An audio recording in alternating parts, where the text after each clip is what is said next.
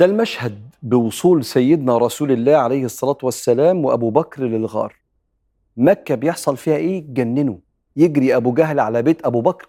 طبعا هنعرف من أبو بكر إيه اللي حصل. راح ما لقاهوش سأل السيدة أسماء أين أباك وأين محمد؟ قالت والله لا أعلم. أين أبي وأين رسول الله عليه الصلاة والسلام فقام ضارب السيدة أسماء بالألم ضربة أسقطت القرط.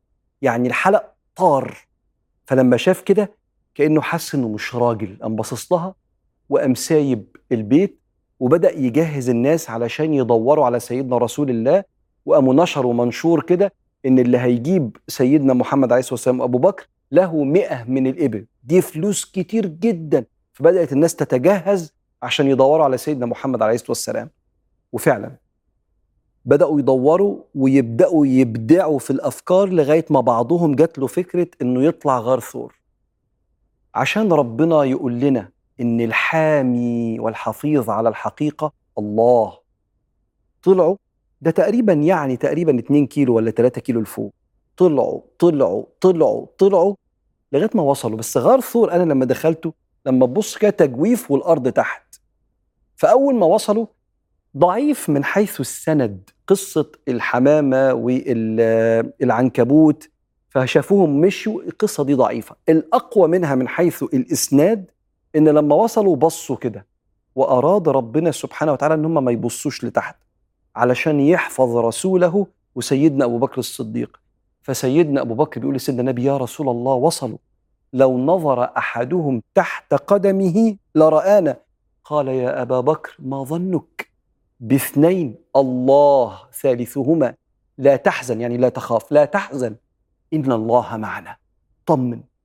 إحنا في معيه الله واصبر لحكم ربك فانك باعيننا. لو أراد ربنا يوصلوا لنا وده كان قدره هيوصلوا. أراد ما يوصلوش عينيهم الإبصار النظر اللي في عينيهم خلقه ربنا. ربنا يشيل الإبصار من عينيهم. ونزلوا من غير ما يشوفوا سيدنا النبي عليه الصلاة والسلام. ثلاث ليالي. عبد الله بن أبي بكر بيجيب لهم الأخبار. عامر بن فهيرة بيجيب لهم الغنم يشربوا اللبن ويمشي على آثار الأقدام ويطمن إن ما فيش آثار للأقدام. السيده أسماء بنت أبي بكر تشيل القماش اللي رابطة بيه وسطها وتقصه نصين تربط جزء من منها على الرداء بتاعها وتحط الأكل في الجزء الثاني وهي حامل فتسمى ذات النطاقين. ثلاث أيام وينزل سيدنا النبي عليه الصلاة والسلام عشان يبدأ رحلة الهجرة بقيادة عبد الله بن أريقط وكان مشركا لكن كان ماهر بالطريق فاستعان به النبي عليه الصلاة والسلام. وهو بيتحرك من مكة عمل حاجتين. دعا بآية قرآنية وقل ربي أدخلني مدخل صدق وأخرجني مخرج صدق واجعل لي من لدنك سلطانا نصيرا. وبص المكة كده وبكى صلى الله عليه وسلم. في لحظة كلها مشاعر أنا ما كنتش عايز ليكم إلا كل الخير وعايز أوصل رسالة ربنا بمنتهى الرحمة والمنطقية المتسقة مع العقل والإنسانية وانتوا اللي رفضتوا.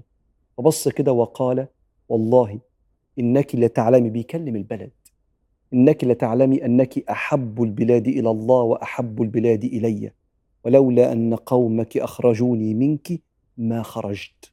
فنزل القرآن على سيدنا النبي إن الذي فرض عليك القرآن لرادك إلى معاد. وبدأ يتحرك صلى الله عليه وسلم في اتجاه المدينة. مفيش لفتة في حياة سيدنا رسول الله عليه الصلاة والسلام إلا وهي وحي من ربنا نور من ربنا.